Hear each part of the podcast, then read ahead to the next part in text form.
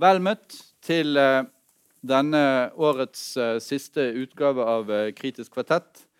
Vi har nettopp vært på turné, hadde jeg nær sagt. Vi har vært i Odda og vi har vært i Oslo. Og vi er nå returnert til Bergen, vår, vårt hovedkvarter.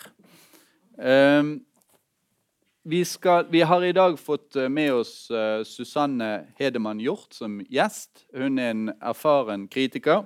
Har vært kritiker i VG, Dagbladet og er nå kritiker i Dagens Næringsliv. Eh, det er vi veldig glad for.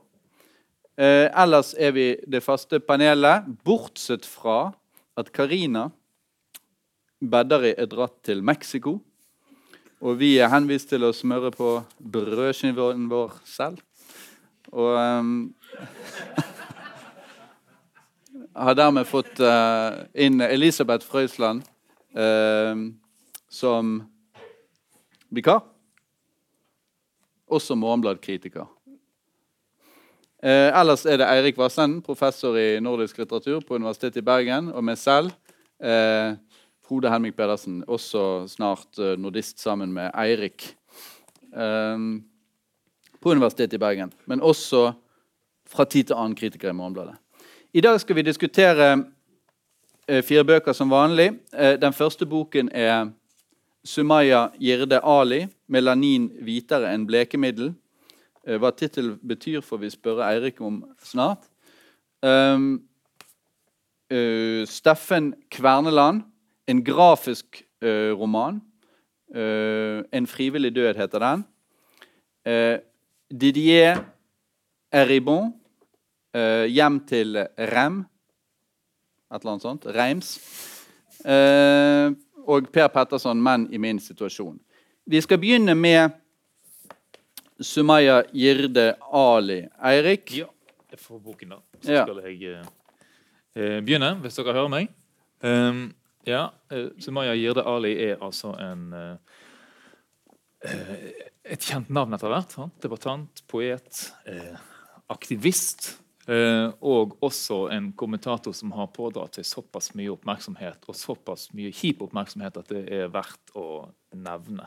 Eh, når jeg skulle researche litt eh, resepsjonen av denne boken, her, så oppdaget jeg at den er ikke anmeldt veldig mange steder, men den er anmeldt på et nettsted som jeg nesten aldri har vært inne på før, som heter Resett. Og man vil ikke, altså ikke tro hva de får seg til å skrive om forfatter og bok. Det ligger ganske langt unna det vi Eh, skal si her i kveld. Og skal kalle litteraturkritikk. Eh, vel eh, Denne boken da, 'Melanin hvitere enn blekemiddel' er hennes eh, tredje bok. Før har hun gitt ut en diktsamling og en eh, pamflett. og det, Dette antyder også at vi har å gjøre med en ung forfatter som vil noe. Og som også vil noe spesifikt med tekstene sine. Det merker vi i disse eh, diktene da, i 'Melanin hvitere enn blekemiddel' Det handler om identitet, det handler om farge. Altså Melanin er jo da eh, ordet eh, for eh, fargestoffet i huden vår, altså pigmentene våre. Og hudfarge eh, det her alltid eh, markert, sånn som hvitheten altså da er, er, understreket i tittelen. vi kan også si det sånn at det også peker på hva som siterer Frans Fanon, denne teoretikeren som bl.a. skrev kanskje mest kjente bok i 1954, eh, 'Svart hud, eh, hvite masker'. Og Et av poengene der er jo at, at hvithet stort sett da er eh, umarkert. Den, altså den, den, en hudfarge som man da ikke, ikke reflekterer over å ta stilling til, mens, mens mørk hud er markert. Eh, og sånn sett da betyr noe spesielt. Mens det hvite da ikke betyr noe.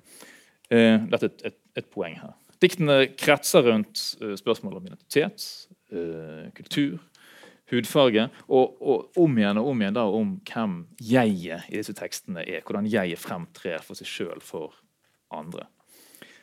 Eh, diktene er litt de er, interessant, de er interessant nok ganske ujevne. og For meg så er det sånn at en del tekster som mobiliserer eller som diskuterer et begrep som som, som introduserer burkakjerring. Eh, som er et slags uttrykk som en størrelse som eh, Ali bruker da for å reflektere over dobbeltheten i identiteten. Altså det er en slags skikkelse som kan observeres utenfra, men det er også en burkakjerringen altså. Men også en skikkelse som er en del av jeg, og som jeg nesten ser ut til å eh, krangle med, men òg anerkjenner. da. Jeg syns eh, disse tekstene er, er de fineste her. altså De rommer en form for ganske sånn lek med denne dobbeltheten som, som, ligger i jeget, og som ligger i språket. altså Det er noe oppriktig der, og det er også noe, noe ironisk og lekent der.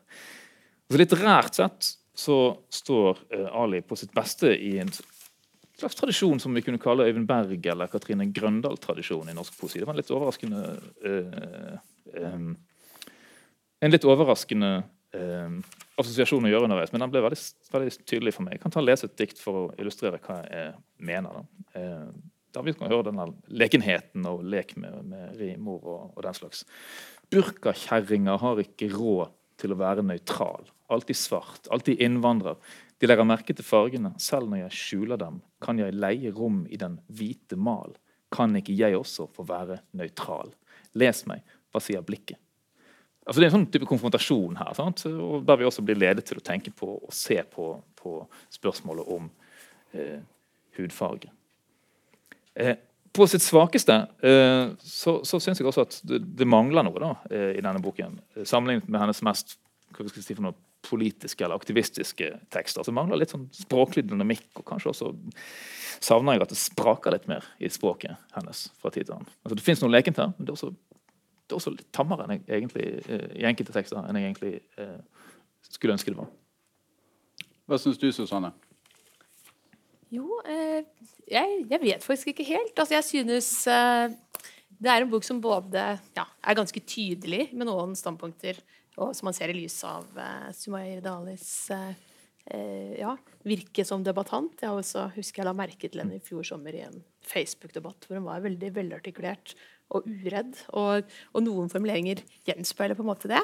Så det er positivt ment at hun er tydelig, selv om hun skriver dikt? Jeg syns det, men, men jeg syns at det er også en del formuleringer som kanskje da De er både ja, noe kan bli veldig tydelig, mens noe kan kanskje bli litt kryptisk. Altså det, er, man, det er litt fragmentert. Altså man får glimt inn i en slags tilværelse og i en tankeverden som man ikke alltid kanskje helt ser hva, hva er situasjonen egentlig. Men, men, eh, men et jeg som dras mellom, ja, mellom forskjellige identiteter, ja, også, også eh, sin bakgrunn og, og sin ja. mor, men også gjør opprør mot ja, både det ene og det andre, egentlig.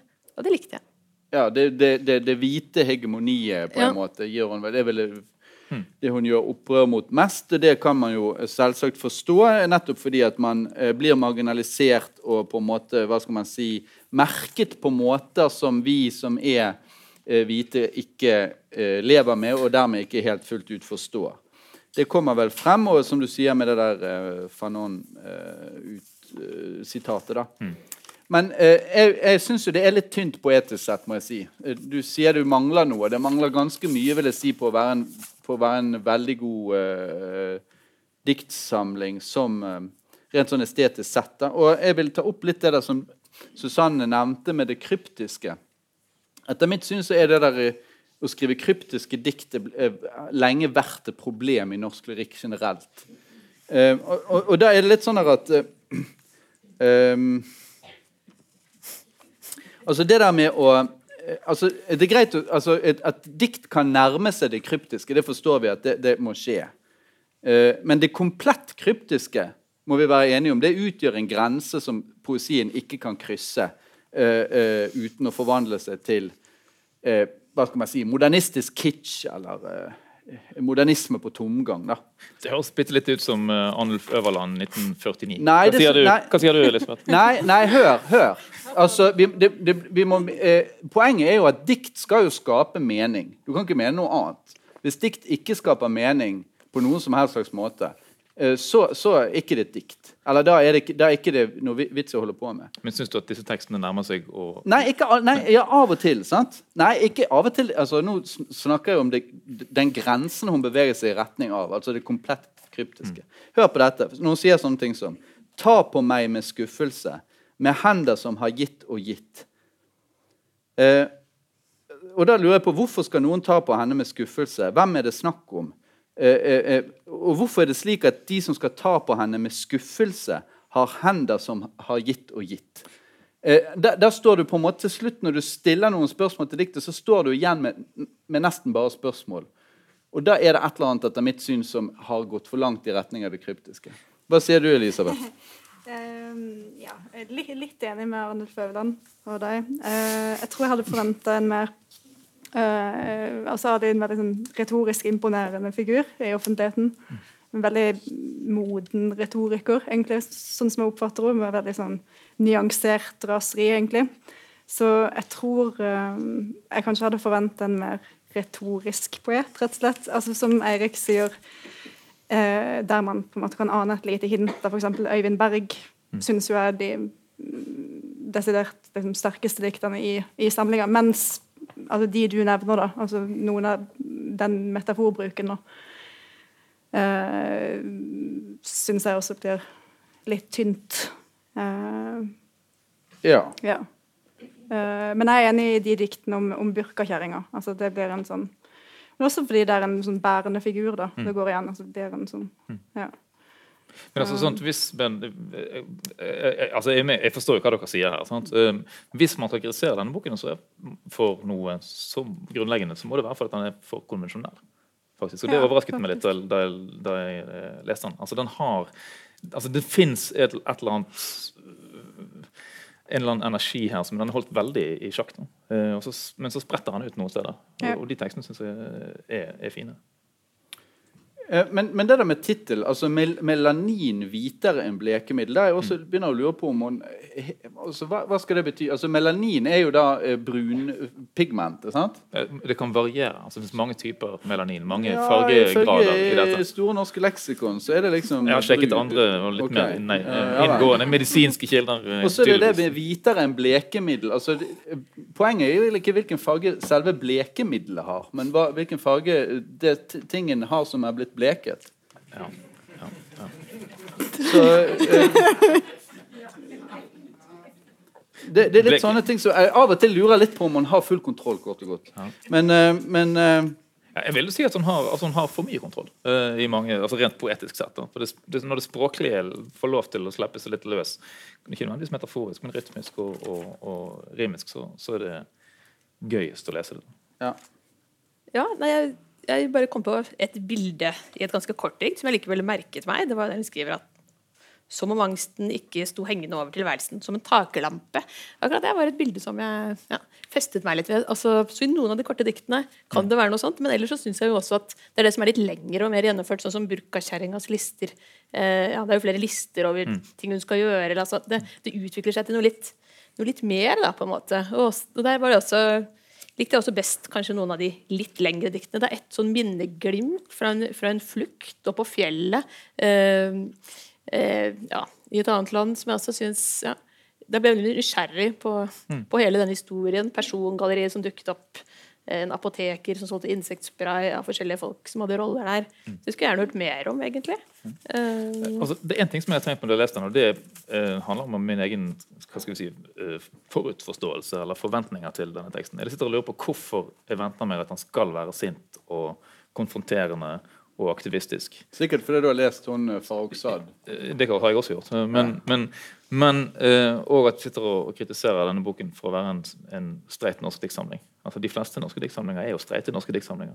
Ja, ja, det, det, er nesten, helt... som, nesten, som, om vi bruker forfatterens eh, andre praksis mot boken. Jo, men streite norske diktsamlinger bør også kritiseres for å være streite norske diktsamlinger. Absolutt. Og jeg er helt Absolutt. enig i at det nettopp det, det, altså, det er mye altså, det, er ikke, det er ikke sånn eh, noen steder hvor, hvor, du tenker at dette er direkte dårlig. Det er bare litt tamt. Jeg er enig i det. at det er liksom det. Og det er klart du finner noen gode bilder og, og litt sånne tankevekkende sammenstillinger og sånn innimellom. Eh, også det der med at, sant, eh, at kroppen hennes er politikk, at dra, eh, mm. klesdrakten hennes er politikk, at kroppen er en slagmark, at hun bærer gamle menn i sin tørre munn og sånn. Mm. Mm. Der, føl, der føler, du jo, uh, føler du jo noen ansatser til en form for original billedbruk og sånn. Absolutt. Men, men, men vi, vi, vi, må jo kunne forvente at en diktsamling har det. da, Original billedbruk. sånn at uh, det, det, kommer litt an på hvor, hvor, vi skal legge listen. Absolutt. Ja.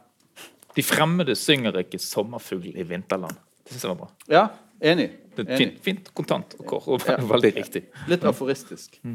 OK. Eh, skal vi eh, gå videre til neste, eller eh, hva? Alle er litt, er litt grann lunkne til Ali. Litt lang. Ja.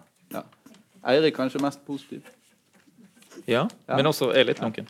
Ja, litt lunken. Vel, vel.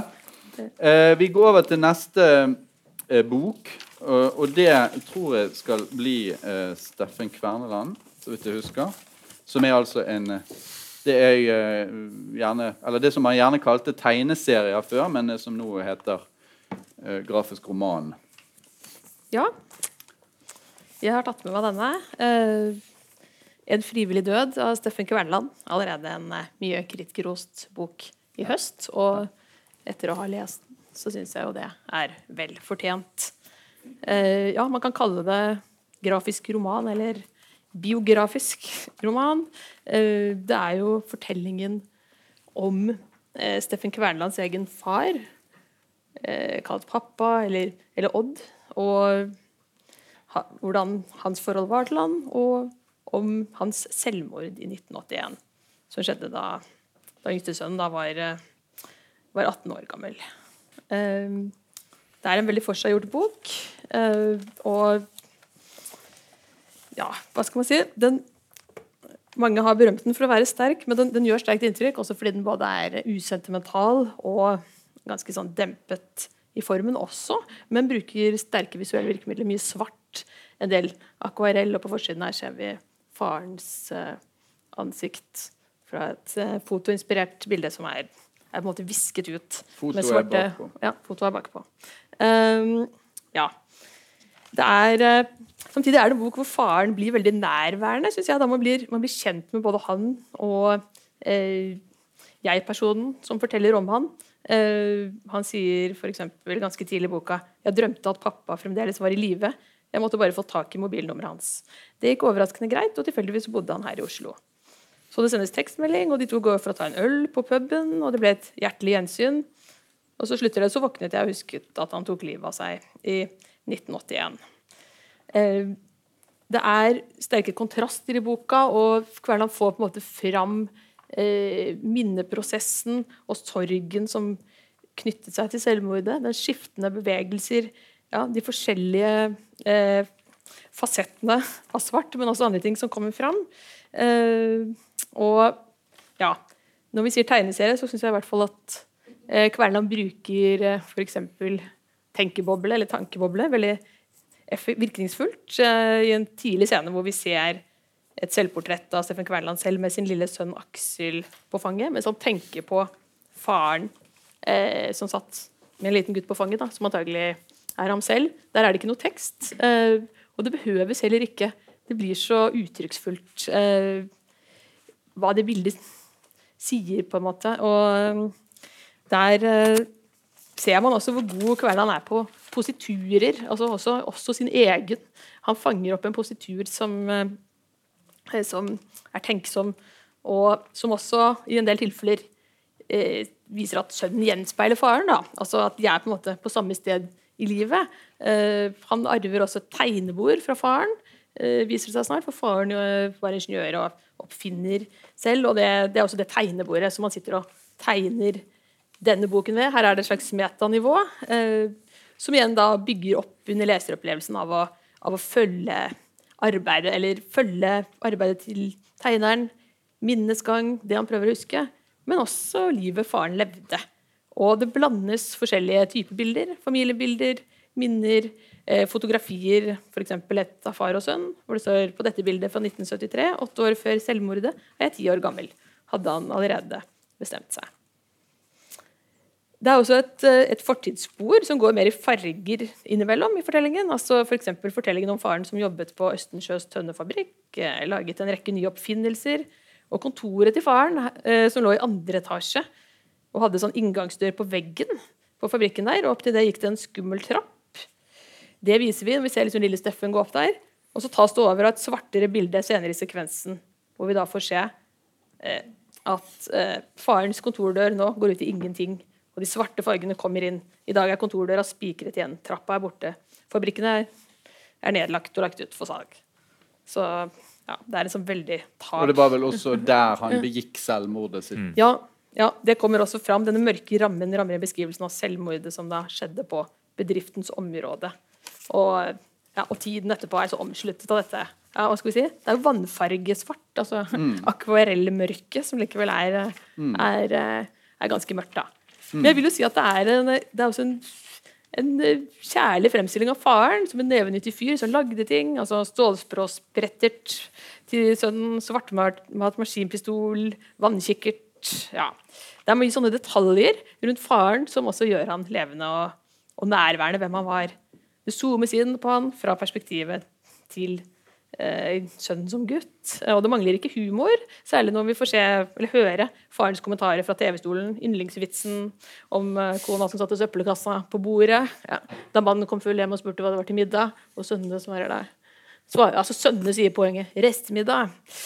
Um, og diverse ord og uttrykk som faren brukte. da. Kjerrehjul, som også betydde å være full. Sekk, som var mage. Skuff, skuffa, som var munnen. Ja, masse dialektuttrykk. Tynne legger, som het såpetegner. Og hans faste ironiske uttrykk når andre drakk litt for sakte, var sånn Ja, ja, skål, da. Som også liksom går videre igjen når, når, Når når faren er borte etter hans død.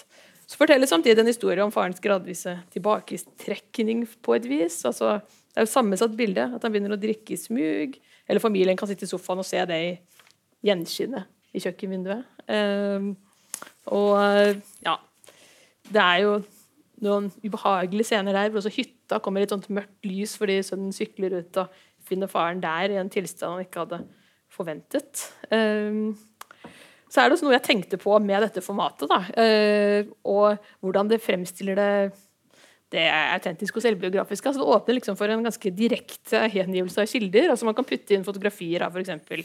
brevet som Kvernan får fra fetteren sin, som gir utfyllende opplysninger om familiehistorien. Uh, og faren Odds eh, barndom, som også er fortalt til dels i familiefotografier. Hvor vi får vite at foreldrene reiste fra ham i ett år, da Odd selv var fire år gammel. Eller det er bilde av fakkelboken, som Odd leste etter et opphold på Modum Bad nervesanatorium, når de beste ikke makter mer. Og det er eh, ja, ikke-realistiske bilder. At han, et bilde hvor faren blir helt hvit i øynene. Han er svart på den ene siden av ansiktet og hvit på den andre. Det er ganske uttrykksfullt, hvor det beskrives samtidig at han var ganske enten-eller. Ja. Noen folk eh, var det noe ved, og de snakket han veldig opp, og andre ble støtt ut i mørket. Så det er en sånn ja, sammensatthet og dynamikk der. Og når boka liksom Jeg syns den er velkomponert. Når den nærmer seg slutten, så igjen kommer det fram ja, hva som lever videre med faren. Han sier jo han skulle bare visst mer enn 35 år etter sin død at han skulle bli med å prege vokabularet og humoren til en liten gutt som er født i en liten by langt nord i Vietnam. Der Det er en sønn Aksel som kommer inn, neste generasjon. Samtidig er det ikke en slutt som glatter over. Her er det jo eh, egentlig kvartettdeltaker, målblekkritiker Karina Bedari har jo også påpekt at tankeboblen kommer inn igjen på slutten, med far og sønn på fanget. Da er den fylt av den røde bilen der eh, faren døde. En annen positur enn han selv eh, sitter i. Og for meg så syns jeg dette er en bok som klarer å konkretisere sorgen og minne om det. Det er ikke alt ord kan si, men her er det noe som, som får komme fram, og bilder som man liksom må la synke inn hvis man først begynner å lese boka. Fanger også opp, som jeg sa, sorgens skiftende vesen, eller mørket som stiger og synker, eller tankene som kommer og går. Og der syns jeg formspråket til Kverneland makter å gjøre dette, samtidig som det blir mye liv i fortellingen om hvem, hvem faren var. Jeg snakket litt med en venn som mente boka var litt kort. Altså, det er liksom et univers man kunne ønske seg å bli i, kanskje. Og det er jo kortere enn Munch-boka, men jeg syns den er veldig avstemt og velkomponert. Og ja Den begynner med en som er vekk. Det er det den klarer å beskrive, som forsiden. Men bringer han på et vis tilbake. Og det gjør det til en veldig sterk bok, syns jeg. Hva sier du, Elisabeth? Er du enig?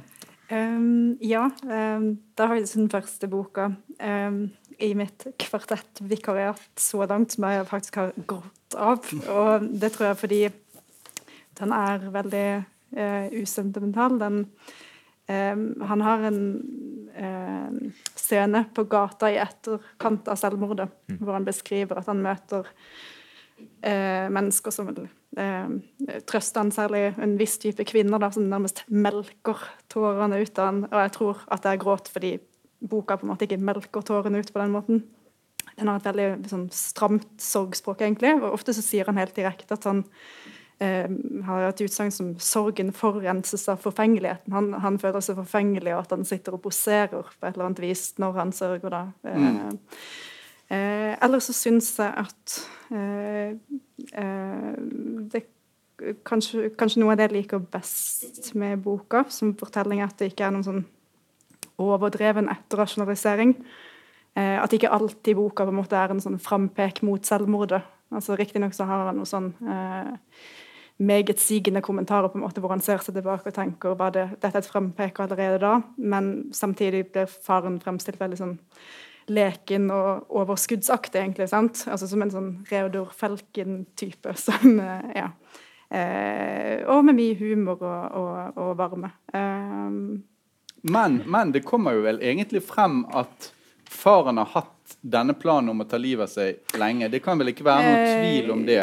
Det, det kommer frem, men jeg syns samtidig det er eh, også en sånn veldig fin passasje hvor uh, han har vært innlagt på uh, Modum bad på mm. nervesanatorium, hvor uh, søndag senere finner altså bøker Bøker om depresjon? Ja, mm. bøker om depresjon hvor han har altså streka under, satt kryss ved siden av. altså Prøvd å forstå sin egen psykiske sykdom. da.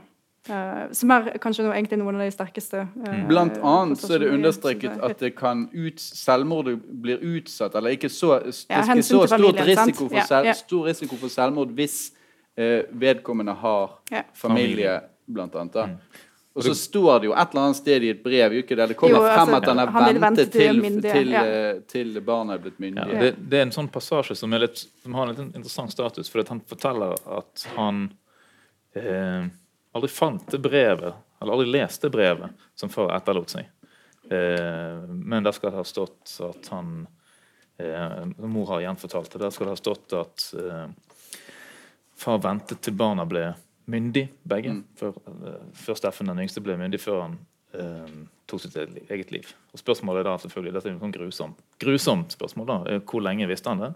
Hvor lenge uh, gikk han rundt med denne planen? da? Gikk han rundt med denne planen når guttungene mobbet han for røykingen sin? 'Nå må du slutte.' nå må du slutte. Og så, mm. og så sier far 'Snart skal jeg slutte med alt'.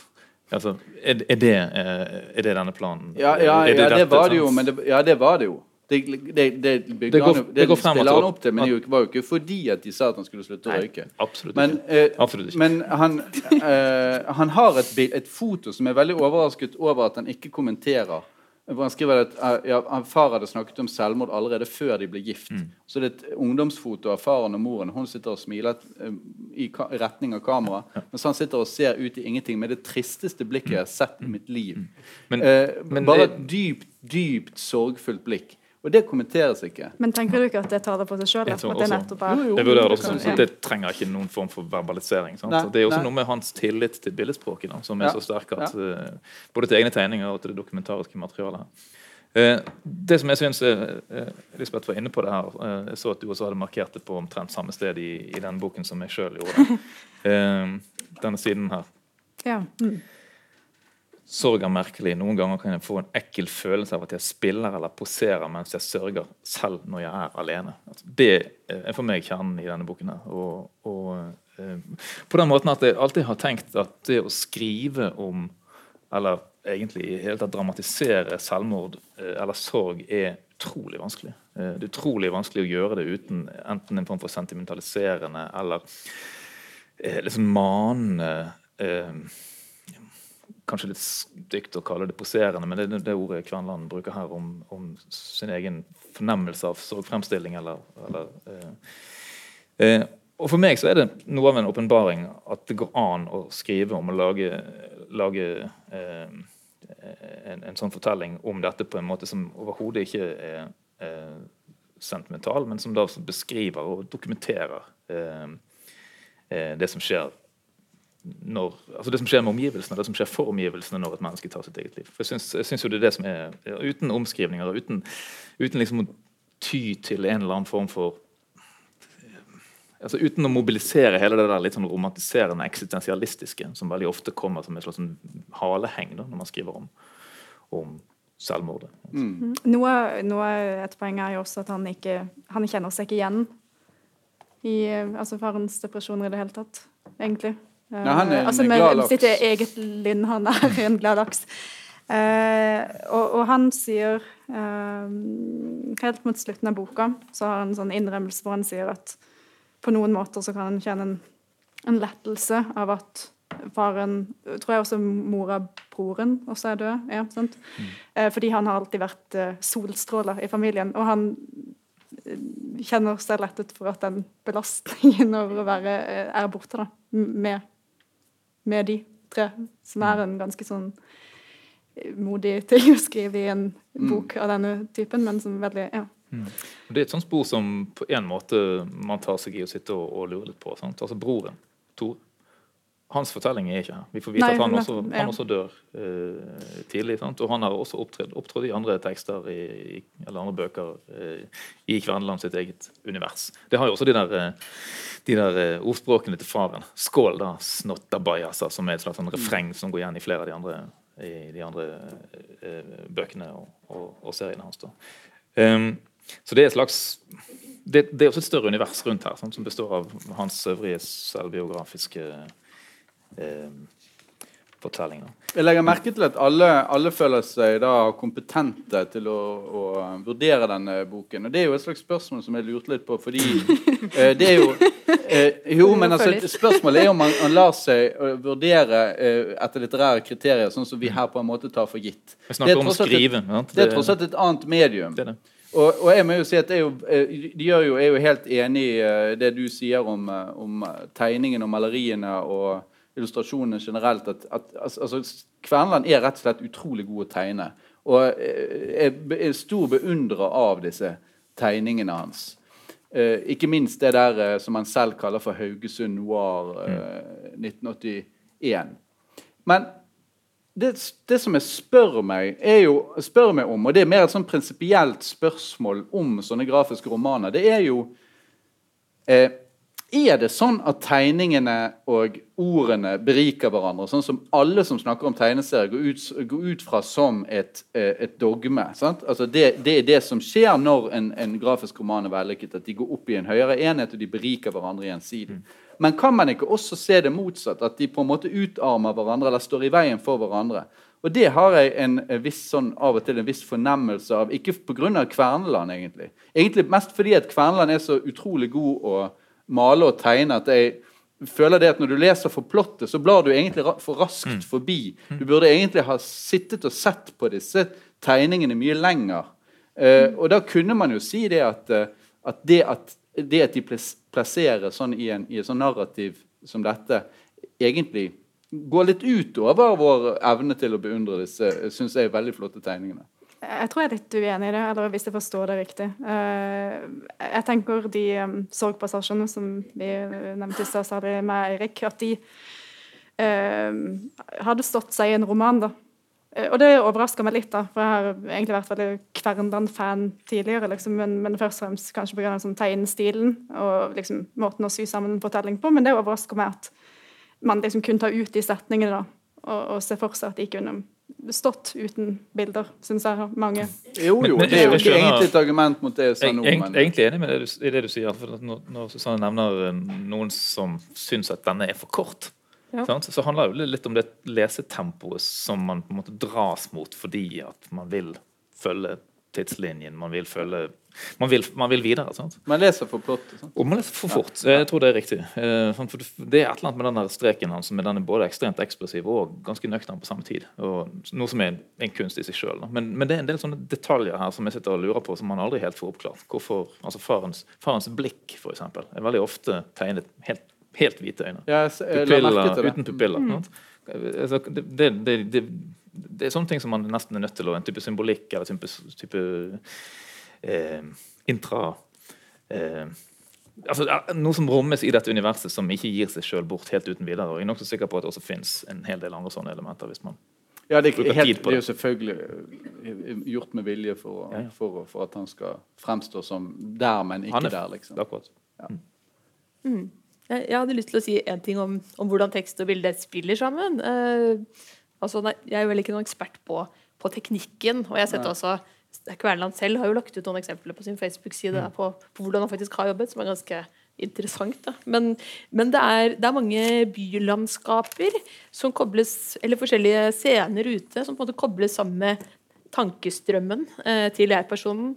Som om man liksom beveger seg rundt. Og dette er jo, dette er jo særlig på nåtidsplanet. Og der synes jeg også det er ganske sånn uttrykksfulle bilder som, som faktisk også tvinger deg til å ja, Du stopper litt opp og, og la det synke inn. Det er noe som synker inn, på en måte. Og, og det er en slags som om det er liksom brukt litt tid på en bearbeidelse. Nå kjenner jeg igjen noen av de eh, stedene, siden han, han beveger seg litt sånn rundt i åsene på Oslo øst, som eh, i nærheten av der jeg bor, faktisk. Så nå er det jeg som er på Oslo-låsen her i dag. Men han, han går liksom bak Tøyenbadet, der Øyafestivalen er. Det er tåkefylt. Og tenker på denne drømmen altså, Eller det er i hvert fall der denne drømmen kommer. Eller han står med sønnen utenfor en slags Det er barnehage, eller kanskje det er en sånn liten barnebondegård, og sønnen Og så veldig sånn uttrykksfullt bilde av bakfra, hvor sønnen drar i han. Altså, det, og disse tankene er der og går på en måte over det, mens han triller rundt. Og det, det oppfatter jeg litt som en sånn ja, altså Tankene kommer samtidig som den konkrete situasjonen ja, går, og han, og han forflytter seg rundt, eller bort til, eh, bort til atelieret. Jeg tenkte også litt på det dere sa om, om de mer sånn fremmedgjorte øyeblikkene, eller altså at man, man tenker at man poserer. Eh, og det, det tolker jeg også litt som at man på en måte går litt, ja, går litt viser hvordan man går litt inn og ut av det også. Når han møter en dame på gata, som du nevnte, Elisabeth, som ung, så sier han at det mørke mørke og sorgen er over han, og samtidig så er han i begravelsen. og ja, Det er faktisk et litt sånn absurd øyeblikk. Da kisten til faren blir senket ned, så sier han det blir senket 20 cm ned. Og det var det. Ja. Uh, eh, merk, merkelig, liksom. Altså Det er en sånn ja, fremmedgjorthet, men så møter han på en når han skal gå rundt og da ha pause fra sorgen og møter på sånne omsorgsfulle kvinner på gata, så er det litt sånn Det setter han i kontakt med det igjen. da, sånn, Hvordan går det med deg, da? Altså, altså, det er, det er um, så det er en slags sånn Det er disse skiftene og dette er litt sånn sammensatte med at uh, tankene om det går over alle andre konkrete ting som foregår, som jeg syns han klarer å få veldig fint fram. Alle er enige om at det er en flott bok. Rørende. Ja. Men jeg er enig med de som sier at den er litt kort, og at jeg kunne tenkt meg å være der litt lenger. Men det går an å gå tilbake. Ja, ja da. Ja da. Det, er jo, det er jo det beste når, når, når noen kritiserer deg eh, og sier det at, kritis, at du blir kritisert fordi du er der litt for sjelden. Det er jo den beste eh, kritikken å få, egentlig. Eh, Og det er jo egentlig det vi, da, den eneste kritikken vi gir her. Eh, vi går videre til neste eh, bok. Eh, Didier Eribon, 'Hjem til Rhin'. Ja, vi hadde en liten diskusjon med franskkyndige i salen. Eh, jeg tenkte aller først så skulle jeg bare presentere Eribon helt kort, siden han er den eneste oversatte forfatteren vi har i kveld. Og biografien hans faktisk har en reell betydning. Eh, han er født og oppvokst i Reims, var det ikke det Solveig sa? Det er greit å si Reims når du er nordmann. eh, i Reims, som er en liten eh, industriby nordøst for Paris. Og som de fleste andre som kommer fra det området i Frankrike, så kommer han også fra en arbeiderfamilie uten akademisk utdannelse. Men når han er 20 år gammel, så forlater han Reims for godt. Han kutter så å si all kontakt med familien sin, og så flytter han til Paris for å, å leve ut sin homoseksuelle legning. og også sitt intellektuelle potensial, kan man si. Eh, I dag er han en anerkjent professor i eh, filosofi og sosiologi. Eh, Han har vært gjesteprofessor ved flere av de store eliteuniversitetene i USA. Og han er også en, blitt en veldig synlig offentlig intellektuell, særlig, særlig de siste årene etter denne eh, utgivelsen. Eh, før denne boka ble utgitt i Frankrike i 2009, så var han først og fremst kjent for sin bi- Foucault-biografi og flere sosiologiske verk om eh, seksuell og særlig homoseksuell disiplinering. Eh, og et spørsmål han stiller seg i eh, Hjem til Rems, er om hvordan det kan ha seg at han som har skrevet så mye om den seksuelle skammen, at han ikke har klart tidligere å se det i forbindelse eh, med den sosiale skammen over å være fra arbeiderklassen, som gjør at han eh, kvitter seg med alt fra dialekt eh, altså Når han trer inn, på en måte, han går inn i ja, egentlig en, en rolle som intellektuell. da. Boka ble først publisert i Frankrike i 2009, men det er en ganske fersk virkningshistorie i resten av Europa. Eh, da boka kom ut i Tyskland i 2016, så var det først og fremst den politiske analysen av arbeiderklassens masseflukt til høyrepopulistiske partier eh, som gjorde at boka ble liksom lest og satt i sammenheng med et mønster man så i Tyskland og egentlig i hele resten av Europa. Eh, et poeng som jeg av og til syns forsvinner litt i, i, de omtalene av boka, er hvordan denne eh, klasseanalysen eh, hele tiden henger sammen med andre kamper i boka. også den litt sånn ofte utskjelte identitetspolitikken. Eh, her settes på en måte homofiles utsatthet og arbeiderklassens kroppslige utsatthet i sammenheng med hverandre, og ikke tenkes som atskilte størrelser. Det er en veldig rik bok på alle måter. Kan leses som et uh, selvbiografisk lang essay med en veldig sånn, sterk litterær egenverdi. Uh, noe av poenget er et sånn dobbelt blikk, hvor Eribon både bruker på en måte sitt sånn sosiologiske eh, blikkperspektiv på sitt eget liv. Et blikk som ser muligheten, da kanskje særlig mangelen på muligheter, i lys av klassetilhørighet, men som samtidig, og i likhet med Edouard Louis, som eh, eh faktisk har dedisert sin debutroman til Eribon. Den var en sånn hovedinspirasjon der. Eh, han ser også selvfornyelse som noe som er både nødvendig og mulig. Eh, faktisk så finner han eh, at det er for de homofile svekkestedene eh, som han finner mest sosial mobilitet. Eh, som han senere i boka skriver at så, eh, faktisk er den sjansen som fikk han eh, opp og fram. Skyldtes tilfeldigheter i, i, et litt mer sånn åpent miljø hvor ikke klasseforskjellene var så åpenbare. ikke minst en intellektuell biografi. Veldig full av sånn, eh, vil jeg si, ganske godt integrerte referanser til eh, andre tenkere og forfattere. Altså noe Poenget er liksom å gjøre sin egen fortelling rikere, rett og slett. Eh, hvor den intellektuelle oppvåkninga på en måte overlapper med den seksuelle, mens han først får en sosial bevisstgjøring idet faren dør 20 år seinere. Eh, det, det, er på en måte utgangspunktet for hele selvoppgjøret og hele essayet. At han tvinges til å, å, å se sin far eh, som på mange måter et offer av den type dypere strukturer i samfunnet. Mm. Eh, ja, jeg tenkte vi kunne egentlig begynne der. Ja, og Du kan, du kan jo kanskje legge til at, at, Frankrike er jo et veldig annet uh, samfunn Det kunne jeg lagt til, ja. uh, og at, at, at, det nettopp det ja. der med å krysse, krysse, grensen mellom arbeiderklasse og, og si, elitekultur, lavklassene som man kaller det, og eliteklassene er mye vanskeligere i Frankrike enn de er i Eh, noe man kanskje kan si helt kort, er at uh, de utstillingsmekanismene inntrer mye tidligere. da. Mm. Ja. Uh, ikke minst i utdanningssystemet, som jo er et sånn, Og de er ekstremt ja. effektive. ekstremt mye mer effektive enn en, en det vi så å si. De finnes jo i vårt eget land også, men de fungerer mer subtilt, kanskje. Ja, altså I Frankrike, sånn som eh, Eribon opplevde det utdanningssystemet, så er det jo sånn at du tar noen valg allerede som 11-12-åring mm. mm. som gjør at du kommer på feil spor. Mm. Og så Når du skal da velge deg inn på universitetet og glemmer å ta noen sånne forberedende eh, prøver, så, så, så kommer det også på feil spor. Det viser seg at du egentlig har for, Uten at du vet, har du allerede eh, forkludret alle dine sjanser uh, til å gjøre en akademisk karriere. Og det vet selvfølgelig borgerskapets sønner og døtre at det må du ikke finne på å begynne direkte på universitetet. Ja, systemet er bygget ja. på en måte som gjør at du er nesten nødt til å være eh, over midten for å i hele tatt vite hvordan, for å kunne navigere systemet. Det er rart at de ikke har noen studiekonsulenter et eller annet sted. Men, uh, han, han, peker jo også på at disse arbeiderklassebarna har sin egen studiekonsulent i magen. Mm. Uh, Sant? Altså at De eh, arbeiderklassegutter som dropper ut av skolen tidlig, eh, de gjør det av egen fri vilje. Altså De gjør det nærmest fordi de tror eller tenker eller faktisk eh, oppfatter det som deres eget frivalg. Mm. Slutte i skolen fordi de vil det. Mm. Eh, som en slags forsikring mot å, å, å, da bli spyttet ut på et senere tidspunkt. Heller slutte tidlig med, æren, med æren i behold få en jobb, enn å oppleve den tapserfaringen av å bli kvernet i stykker av det systemet som uansett ikke er designet for dem. Hva sier du, Susanne?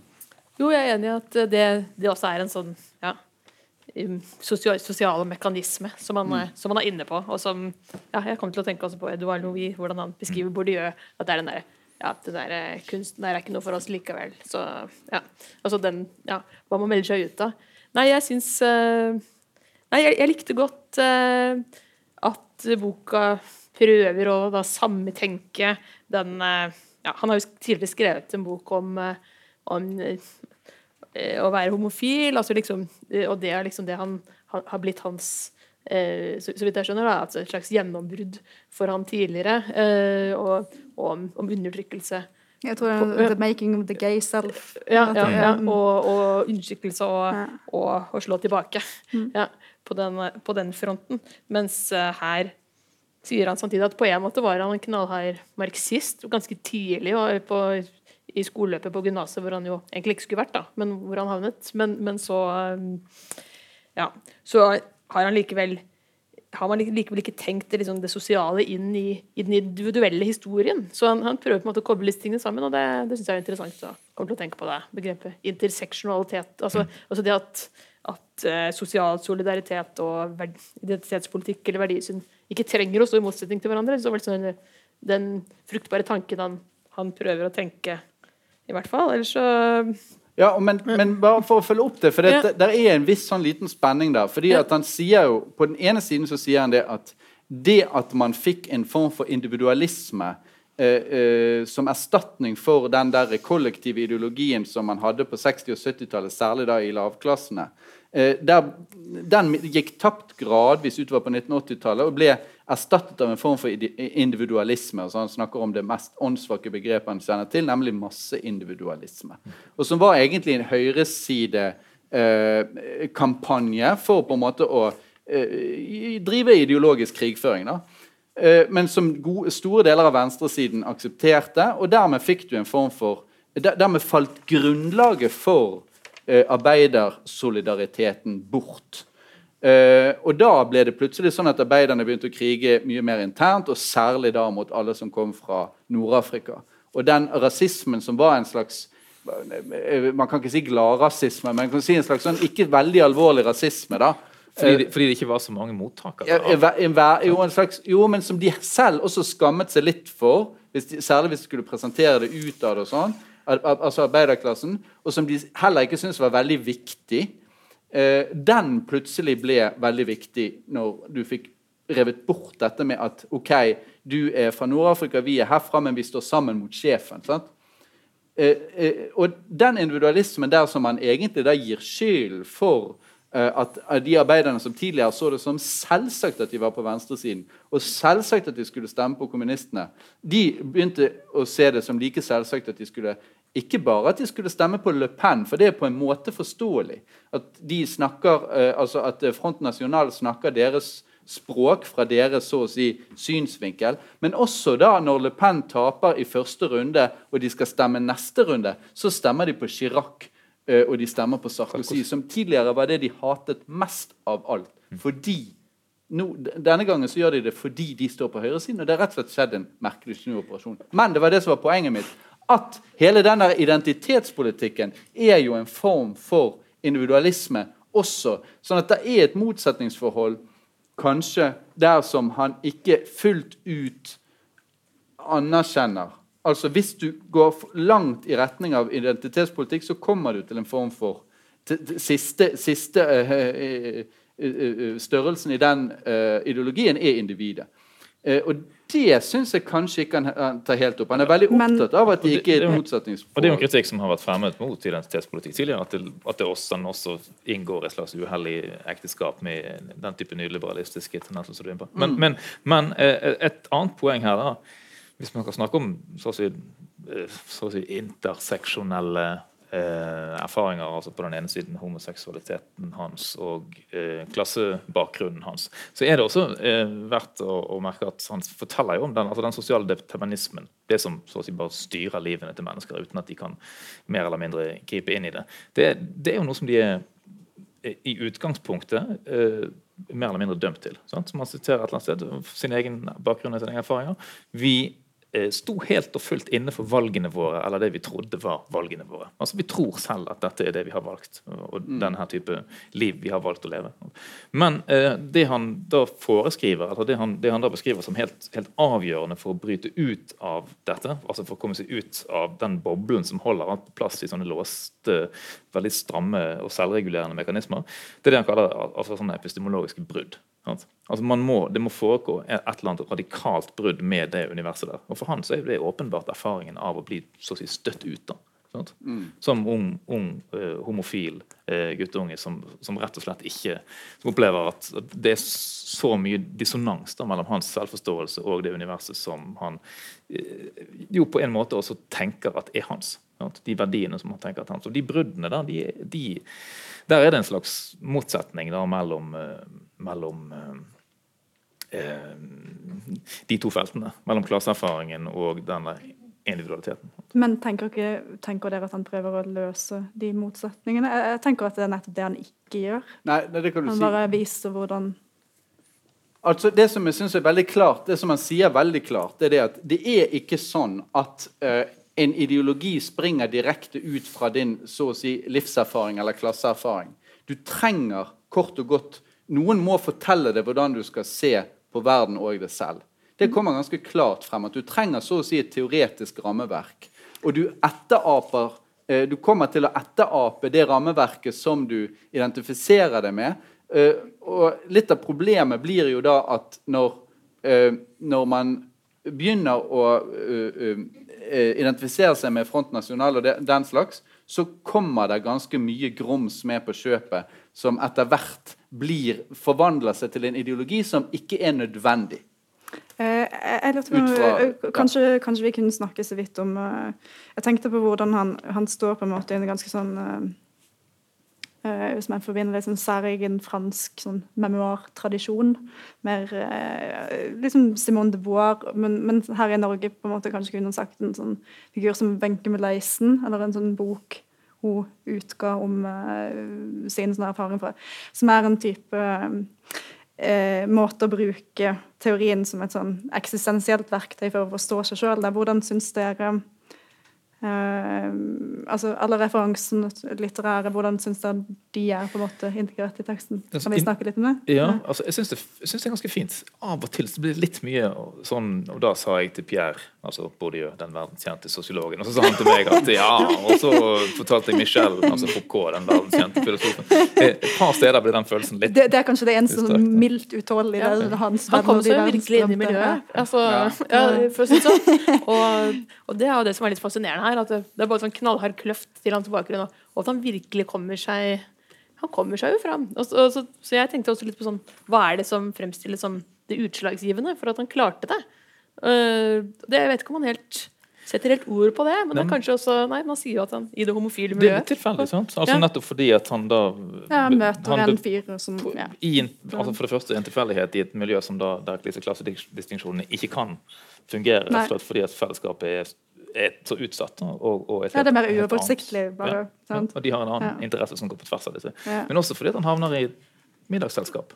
Og der blir introdusert for en som da eh, jobber i redaksjonen på, eh, på liber, eh, Liberasjon. Lib- Liberasjon. Liberasjon. Eh, som da en avis han da ikke kan utstå, fordi den da befinner seg på denne nye høyresiden. Og så klatrer han videre til en ny avis som er enda lenger ute på denne samme kjipe høyresiden, og som han heller ikke orker, og som han forakter. Men han kommer jo inn i systemet og blir professor, men, men på, altså virkelig via sideinngangen. da. Altså, han er jo åpenbart veldig begavet, for å si det sånn. Det hadde ikke gått hvis han ikke var svært begavet. Men, men de, de, der, de der eh, Jeg tenkte på det der med å si, snakke om som Foucault og sånn på den familiære måten. eh, At det nettopp er jo et slags tegn på Eller for å vise også litt at Ja, ja, er jeg kommet opp ja. der. sant? Ja, også, En, en tysk akademiker snakker, sa til meg en gang eh, Som Heidegger sa til meg.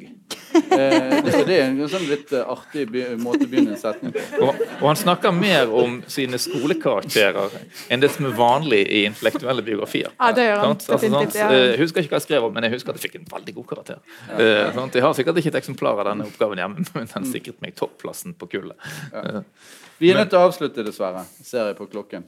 Eh, vi, er, vi, er, alle sammen, ser det ut til, eh, eh ganske eh, fornøyd med Eribon. Eh, en velskrevet og interessant bok. Veldig glad for å ha lest den akkurat nå. Også. Ja. Veldig fin oversettelse, forresten. Det må jeg nesten si. Jeg leser den på engelsk før jeg leser den på norsk. Ja. Norsk er bedre. Leser den på norsk. Vi går videre til vår egen Per Petterson. En, en Eh,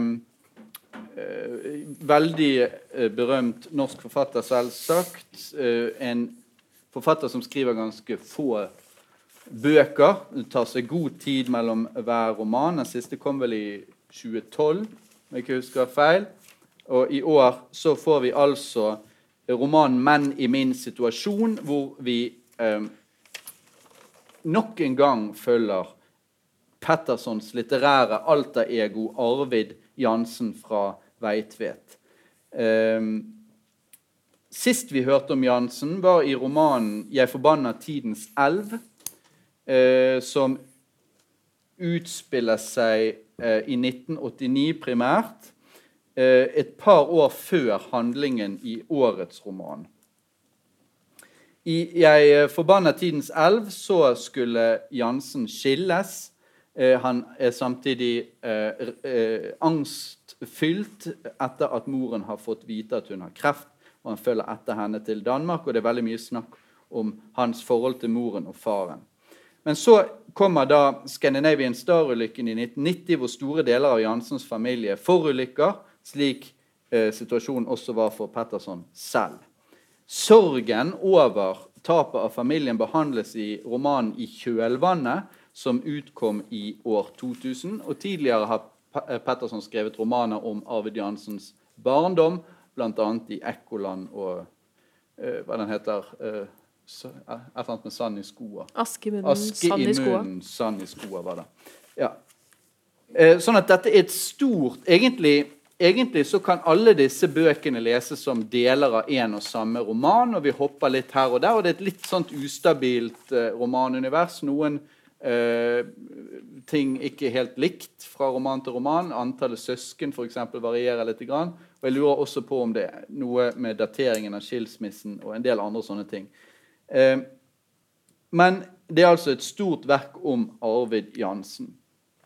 Eh, denne romanen, 'Menn i min situasjon', omhandler perioden etter skilsmissen hovedsakelig i årene 1991 og 1992, eh, og et lite glimt fremover. Eh, nå har Jansen sørget et år. Konen går fra ham da etter dette året, som har vært et eh, ekteskapelig sett en ørkenvandring. Konen tar med seg da de tre døtrene. Han er alene. Ikke lang tid etter den, dette så får han oppringning fra den eldste datteren, som er tolv år, hvor hun meddeler at hun og søstrene ikke lenger vil komme til ham annenhver helg, slik avtalen var.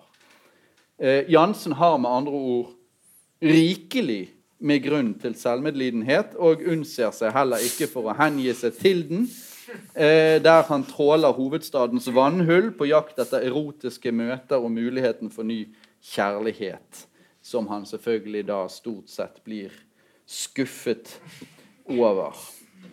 Ehm, dette er en roman full av sorg, melankoli, selvmedlidenhet, tapsfølelse. Hva skal man si? En nesten overdådig mengde blåtoner. Og spørsmålet er vel kort og godt om det blir for mye av det gode denne gangen. Hva sier du, Susanne? Uh, ja, jeg, jeg ville si at jeg, jeg, var glad for å vende tilbake til Arvid Jansen. Etter at uh, ja, han var fraværende i den forrige Petterson-boka. Men det er klart, det er jo den stilen som man eh, kjenner igjen. da, Den dempede, men ja, vemodige, vemodige stemningen. Og igjen også mange, mange Oslo-scenarioer eh, fra, ja, fra litt, litt, tid tilbake. Eh, det jeg tenker er liksom, ja, det er jo på en måte det som er denne verden. Og, og da jeg leste den, så tenkte jeg også litt på ja, Det er jo mange damer som er innom, som, som du er inne på. Um, men, men, samtidig tenkte jeg liksom jeg fikk ikke helt tak på de kvinnefigurene som står sentralt. altså Boka begynner jo med en scene som, eh, hvor eh, hans fraskilte ekskone ringer han på en søndag morgen, og hun vet ikke hvor hun er. Hun havner i en situasjon. og ja, følger, Vi følger den søndagen gjennom litt tid, og vi får liksom ikke helt vite hva som har skjedd. Og i slutten så, så må han hjelpe sin datter, som det, det er da plutselig gått fire år, og som, er, som sliter og havnet i en vanskelig situasjon.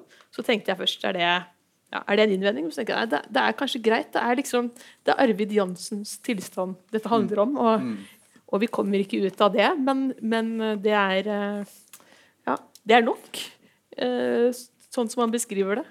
Men, men, det er altså en bok som er ve så veldig veldig opptatt av Jansen og Jansens følelser til enhver tid at det, at det, er vanskelig å komme litt ut, vanskelig å se de andre menneskene. Det tror jeg kanskje må være en innvending. Hva sier du? Eh, hvor skal jeg begynne? eh, nei, altså jeg er i utgangspunktet ikke noen fan av eh, Per Petterson. Altså, eh, fordi at jeg rett og slett syns at den, den der ah, hva skal jeg kalle det, da, litt maskuline sentimentaliteten eh, som ligger i hans klasse for det, altså det, ligger, det, er en slags klasseanalyse også her. Sant? Synes Det er fint å lese den eh, med, med Eribon i bakgrunnen. Eh, men den sentimentaliteten som, som, ganske riktig vipper over innimellom i noen sånne, eh, i sånne, sånne scener som er så innsmurt med noir-stemning. Eh, og for meg fremstår som, som for villet noir-stemning. Jeg kunne lest noen passasjer, men jeg vet ikke om vi, skal, vi kan spare det hvis så ser vi har tid. Nei, eh, denne boken, da, som sagt, er litt sånn, så, jeg er ikke så begeistret for Petterson i utgangspunktet. Eh, jeg likte ikke Ute og stjele hester i det hele tatt, og, og, og orket ikke å lese hele Jeg forbanner tidens.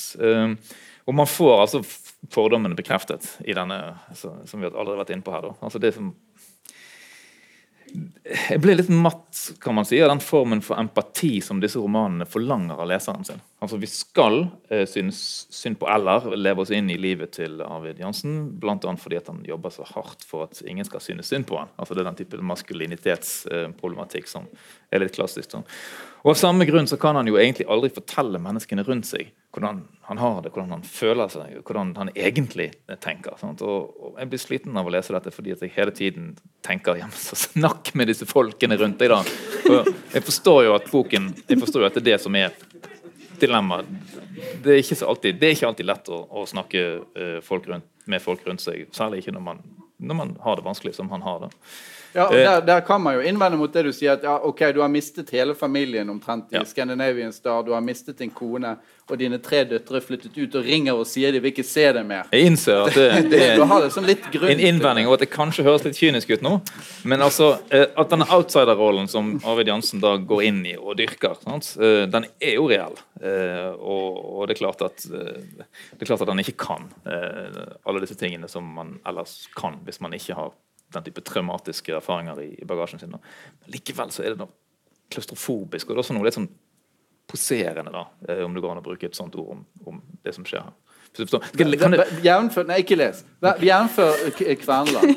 Eh, Elisabeth.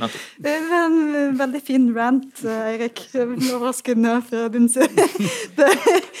nei, um, jeg har ikke lest så mye Per Pettersen tidligere. Jeg leste 'Utestedet' hest' for mange år siden. Uh, vi hadde ikke noe veldig klart minne, så prøvde å gå liksom åpent og fordomsfritt inn i, i, i lesningen. Jeg syns òg det er veldig noir-aktig. Uh, han har sånn uh, han åpner avsnitt med sånn setning og 'jeg tente en Blue nok en bluemaster. Uh, nok en Blue Master. men hvis jeg skal si noe fint om Per Pettersen Det velger du selv. Ja, det velger jeg selv. Uh, så, så, ble jeg overraska at han var en ganske sånn uh, Noen øyeblikk sånn øm skildrer av mennesker, da. Kanskje det er mangelvare i norsk litteratur, jeg vet ikke. Men særlig en type sånn uh, De kvinnene han møter, da, kort. Som type sånn one night stand, så har han ikke form for sånn her Ikke sånn her gjennomskuelsesretorikk, kyniske karakteristikker, men ganske sånn rause ja, beskrivelser av mennesker han treffer tilfeldig. Ja. Eh, ellers er han jo en, en skamløs sjekker. Han sjekker jo på en måte opp en uh, selvmordskandidat. En kvinne på gravlunden. Altså, han finner på en måte kvinner i de mest liksom, dramatiske livssituasjonene. Da setter han inn støt, liksom. Um, han redder jo han kanskje, da? Ja, han redder garant. Um, ellers så syns jeg nok de, at, at Eirik har et poeng i den er litt sånn uh, Hva du kalte maskuline Sentimentalitet. ja, sentiment. Det er et poeng. sant? Uh, og jeg, jeg synes noen scener der når han skrur dramaet opp, særlig den scenen hvor han krasjer med barna i, i bilen, og den scenen hos Merete eh, Ja, der smøres det. Der han slåss med barnevakten. Han, Ja, han, han, han, han skal hente Pga. At kona har hatt eh, et slags, eh, en slags krise, så vil, eh, altså ekskonen, så, så må han hente barna hos en venninne av henne som, som passer dem. Og Så kommer han opp der, så vil ikke hun gi fra seg ungene, for hun tror ikke at det er han som skal hente. Og så blir det rett, ender de opp med å slåss, og så slår hun barnevakten til datteren til og med. og Det, det blir sånn grining, og det er veldig stygt. Jeg, jeg syns også det var litt over the top. Men, men hva- også den scenen hvor de krasjer i bilen. altså Du ser jo det komme fra lang Ja, vei. men den syns jeg skal vel i grunnen Det- det, den, den kjøpte jeg okay, for min ja. del. Men, men jeg, skal- jeg skal jo nevne for min del også, altså at, at jeg var, har jo vært en, en eh, Petterson-fan. Kanskje Ja. ikke fullt uh, så stor fan som Erik Bjerk Hagen, vår venn som sitter nede i quiz-salen nå. uh, men som skrev, uh, som skrev da i Morgenbladet at, eh, at dette var eh, Petterson på sitt mest åpne og på sitt frieste. Eh, og at var, han var kort og godt, Det var ren skamros fra begynnelsen til slutt. Han var overbegeistret. Eh, rik, Usedvanlig rik på korte og intense møter med ukjente kvinner. Ja, men det, det, akkurat, akkurat det, eh, det har Elisabeth helt rett. eh, Fordi at selv en kyniske leser er i stand til å gjenkjenne en empatisk beskrivelse av mennesker. Ja. Og disse Ja. møtene med de kvinnelige synes jeg, vel- det, det synes jeg er fint. Så. Det som derimot ikke er så fint uh, nå, Jeg klarer ikke å holde meg lenger. Jeg må lese en passasje her. Det er hans, hans måte tungt uh, smurte Oslo- Oslo-beskrivelser. Hør nå. Og så sammenholde det med must. professor Bjerk Hagens vurdering her. Da jeg gikk av bussen i enden av Storgata, var himmelen svart over byen, men butikkenes vinduer var fulle av lys, og lyktene lyste langs gatene, og i gatene rant skimrende to ganger doble trikkeskinner som flytende sølv mellom brosteinene i asfalten, og neonskiltene lå stinne av gult over dørene til bokhandelen, skobutikken av rødt og av blått i den fuktige, klebrige Oslo-lufta, hver dråpe fargelagt i yret og fargene speilvendt på de fuktige fortauene, og i det oppfylte, nesten trinne rommet mellom bygningene føltes lufta ekstra kald mot kinnene da jeg kom gående i den varme losjakka osv. Det er nok en passasje som, som sannsynligvis skiller lesere på midten. da. De som syns dette er altfor mye, og de som syns dette er ganske vakkert. Mm. jeg kan se at noen mener at dette er ganske vakkert, men jeg, jeg, jeg, jeg gjør ikke det. Eh, altså. Men, men direkte dårlig er det vel ikke det du leste? Men det er bare for mye. Ja. Som en tjukk julesaus som du fort blir lei av. Eh, men eh, men- men eh, jeg Ja, er litt som sånn Oslo må jeg protestere. Ja, nei, ja, nei, nei da. Det er, det er, noen, det er noen fine Oslo-scenarioer òg. Altså, og Nei, han prøver det er jo det at, Men det er klart, han sitter der på bussen da, og tenker på at han leste Simone de Beauvoirs selvbiografi. Og, nei, altså Det er jo litt inne i, ja, i litteraturland, kanskje også. Men, men, eh, men han sier at på sitt beste så tok hun han ja, Hun tok han med inn i boka, på en måte. Og, ja, det er kanskje det han forsøker å gjøre, i hvert fall. Så han reiser langs noen akser i Oslo, i hvert fall. Som, når han kommer til et betydningsfullt sted, som når bussen går ned Ulandsgata, ikke Trykken, men eh, der hvor moren, danskemoren jobba, på Tante Karis kafé, og faren jobba på fabrikken og traff henne, eller nedi dumpa der faren gikk til jobben hver dag, når han liksom knytter det opp mot noe eh, i familiehistorien, så syns jeg det, det løfter seg. Ja. Jeg, jeg tror at Da kommer han jo litt eh, ut av seg, seg selv òg, da. Eh, Rett og. Eivind Myklebust i, i Klassekampen han skrev noe sånn om eh, hvordan han skiller sånne mellomrom i Oslo. Sånn som verken er vest eller øst. da. Og, og det er der han finner alle disse kvinnene. da. For, der han våkner opp i, i leiligheten Ja, ja, og ikke aner hvor han er. de, Aldri de, vært der de før. bor aldri altså mellom øst og vest. De bor alltid i sånne ratteleiligheter. leiligheter. Byen er jo ikke så eh, stor ja, heller. ja. Men, men det er en fin beskrivelse da, på en måte den type eh, Som han kunne ha beskrevet på en mer kynisk måte der også. sant? Men, Men, men, Men hva men ikke så, så spørsmålet er jo da hvordan, hvordan vi skal vurdere den litt sånn overordnet sett. Eh, fordi det er klart, det at det er bra altså er bra, Alle er enige om at det er bra ting i han. Men spørsmålet er igjen litt hvor vi legger listen. Sant? For det, Petterson er tross alt i, det- i toppsjiktet blant eh, norske forfattere. som Det er hans eh, ry.